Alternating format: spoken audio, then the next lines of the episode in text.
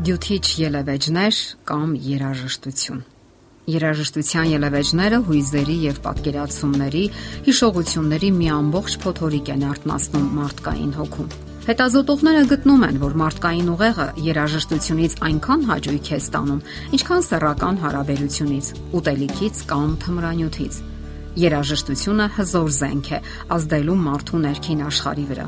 Այդ զենքը սակայն կարելի է օգտագործել թե բարի, թե վատ նպատակներով։ Այն կարող է հանգստացնել մարդու լարված նյարդերը, խաղաղություն եւ անդոր ապարգևել։ Սակայն երաժշտության դիվային ռիթմերի ազդեցության տակ մարդիկ կարող են ընկնել տրանսի եւ անգիտակից վիճակների մեջ։ Եվ այսպես երաժշտություն Մենք ընկալում ենք երաժշտությունը գլխուղեղի այն հատվածի օգնությամբ, որը պատասխանատու է մտածողական գործընթացների համար։ Իսկ այսպես կոչված հիպոթալամուսի միջոցով այն ազդում է հույզերի վրա։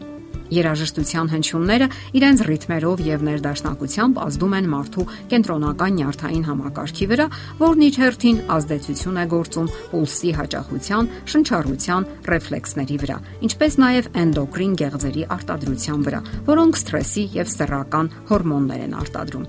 Այսպիսով երաժշտությունը անցալվում է ուղեղի հուզական, այլ ոչ տրամաբանական, ինտելեկտուալ կենտրոնի կողմից, առաջացնելով հուզական հակազդեցություններ։ Իսկ այդ հակազդեցությունների բնույթը կախված է երաժշտության բնույթից, որը կարող է լինել հանգստացնող, առույգ, վեհացնող կամ ընդհակառակը։ Ուշադրություն դարձնենք, որ մարդիկ երաժշտական արարածներ են։ Նրանք արձագանքում են երաժշտությանը ինքնաբուխ եւ յենթագիտակցաբար, իսկ երբեմն էլ առանց մտածելու։ Եվ վերջապես, երաժշտությունը ազդելով ուղեղի հուզական կենտրոնի վրա համարվում է հոգեվոր ուժ, ձևավորելով ունկնդրի նույնիսկ բարոյականությունը։ Ահա թե ինչու արժե խոր մտածել երաժշտության այս հատկության վրա եւս, այն նաև բարոյականություն է կերտում։ Ահա թե ինչու արժե խոր մտածել երաժշտության այս հատկության մասին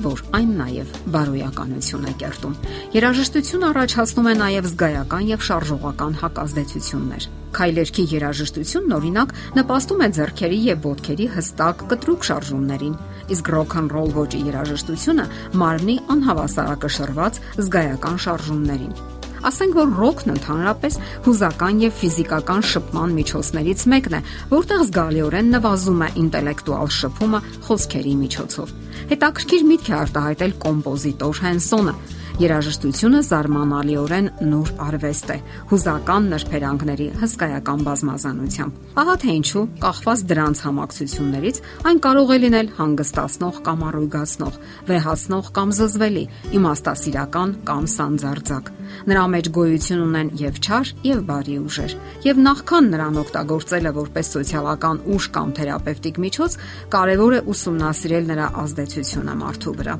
Երաժշտության ընտրությունը կարևոր է մարդու համար։ Նրա պատճառած վնասները կարող են լուրջ հետևանքներ ունենալ։ Կարող են խեղել մարդու հոգևոր ներաշխարը, որոնք պահպանվում են մարդու ողջ կյանքում։ Մի փորձի ժամանակ մկներին բուժում էին աններդաշնակ երաժշտության հնչյունների ներքո։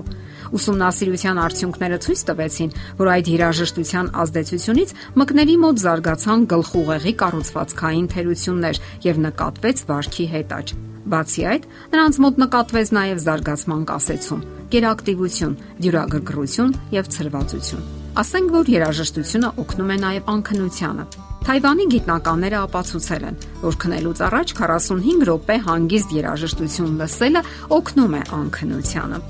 Դոկտոր Նոեբելը պնդում է, լավ հուզական հոգևոր վիճակի պահպանման համար մարդը չպետք է ենթարկվի այն ռիթմերի ազդեցությանը, որոնք չեն համապատասխանում նրա մարմնի բնական ռիթմերին, այլ պետք է լսի այնպիսի երաժշտություն, որն իր մեջ կզուգակցի ռիթմը, մեղեդայնությունը եւ ներդաշնակությունը։ Ներդաշնակ երաժշտությունը առաջացնում է հարմարավետության եւ խաղաղության զգացում եւ այդпիսով հանում է սթրեսը։ Այդ երաժշտությունը մտքին ու մարմնին տալիս է լրացուցիչ էներգիա, պահպանում է հոգեկան հավասարակշռության եւ ինքնահսկման վիճակը։ Ավանդական քրիստոնեական երաժշտությունը սաղմոսները եւս հանում են սթրեսը, քանի որ դրանք համապատասխանում են մարդու սիրո, անվտանգության եւ փրկության պահանջմունքներին նշենք երաժշտության եւս մեկ կարևոր հատկություն։ Պարզվել է, որ այն կարող է ապակինել ոչ այնքան վաղ կրած ինսուլտի հետևանքները, Նրա օգնությամբ կարելի է ոչ միայն բարելավել տրամադրությունը, այլ նաև արագացնել հիշողության եւ ուշադրության վերականգնումը, որոնք խախտվել են հիվանդության արդյունքում։ Ֆինլանդիայի գիտնականների անցկացրած գիտափորձի ժամանակ այդպիսի հիվանդների համար ստանդարտ բուժման հետ համատեղ կիրառել են նաև իրենց սիրած երաժշտությունը եւ արդյունքները համեմատական կարգով մեծապես դրական են եղել այն հիվանդների համեմատ, ովքեր երաժշտության փոխարեն աուդիո գրքեր են լսել։ Այդ խմբի հիվանդների մոտ ավելի դրական տրամադրություն է նկատվել։ Բարելավվել է բարերը հիշելու վրա կողմնորոշված հիշողությունը։ Ընդ որում, այս մեթոդները եւ էժան են եւ մատչելի։ Հետևությունը միանշանակ է՝ ընտրել եւ լսել այնպիսի երաժշտություն, որն ապահովում է մարմնի հոգեվոր ու ֆիզիկական ներդաշնակությունը, տալիս առողջ ու դրական հույզեր։ Եթերում առողջ ապրելակերպ հաղորդաշարն է։ Ձեզ հետ է Գեղեցիկ Մարտիրոսյանը։ Հարցերի եւ առաջարկությունների դեպքում զանգահարեք 094 08 2093 հեռախոսահամարով։ Հետևեք մեզ hopmedia.am հասցեով։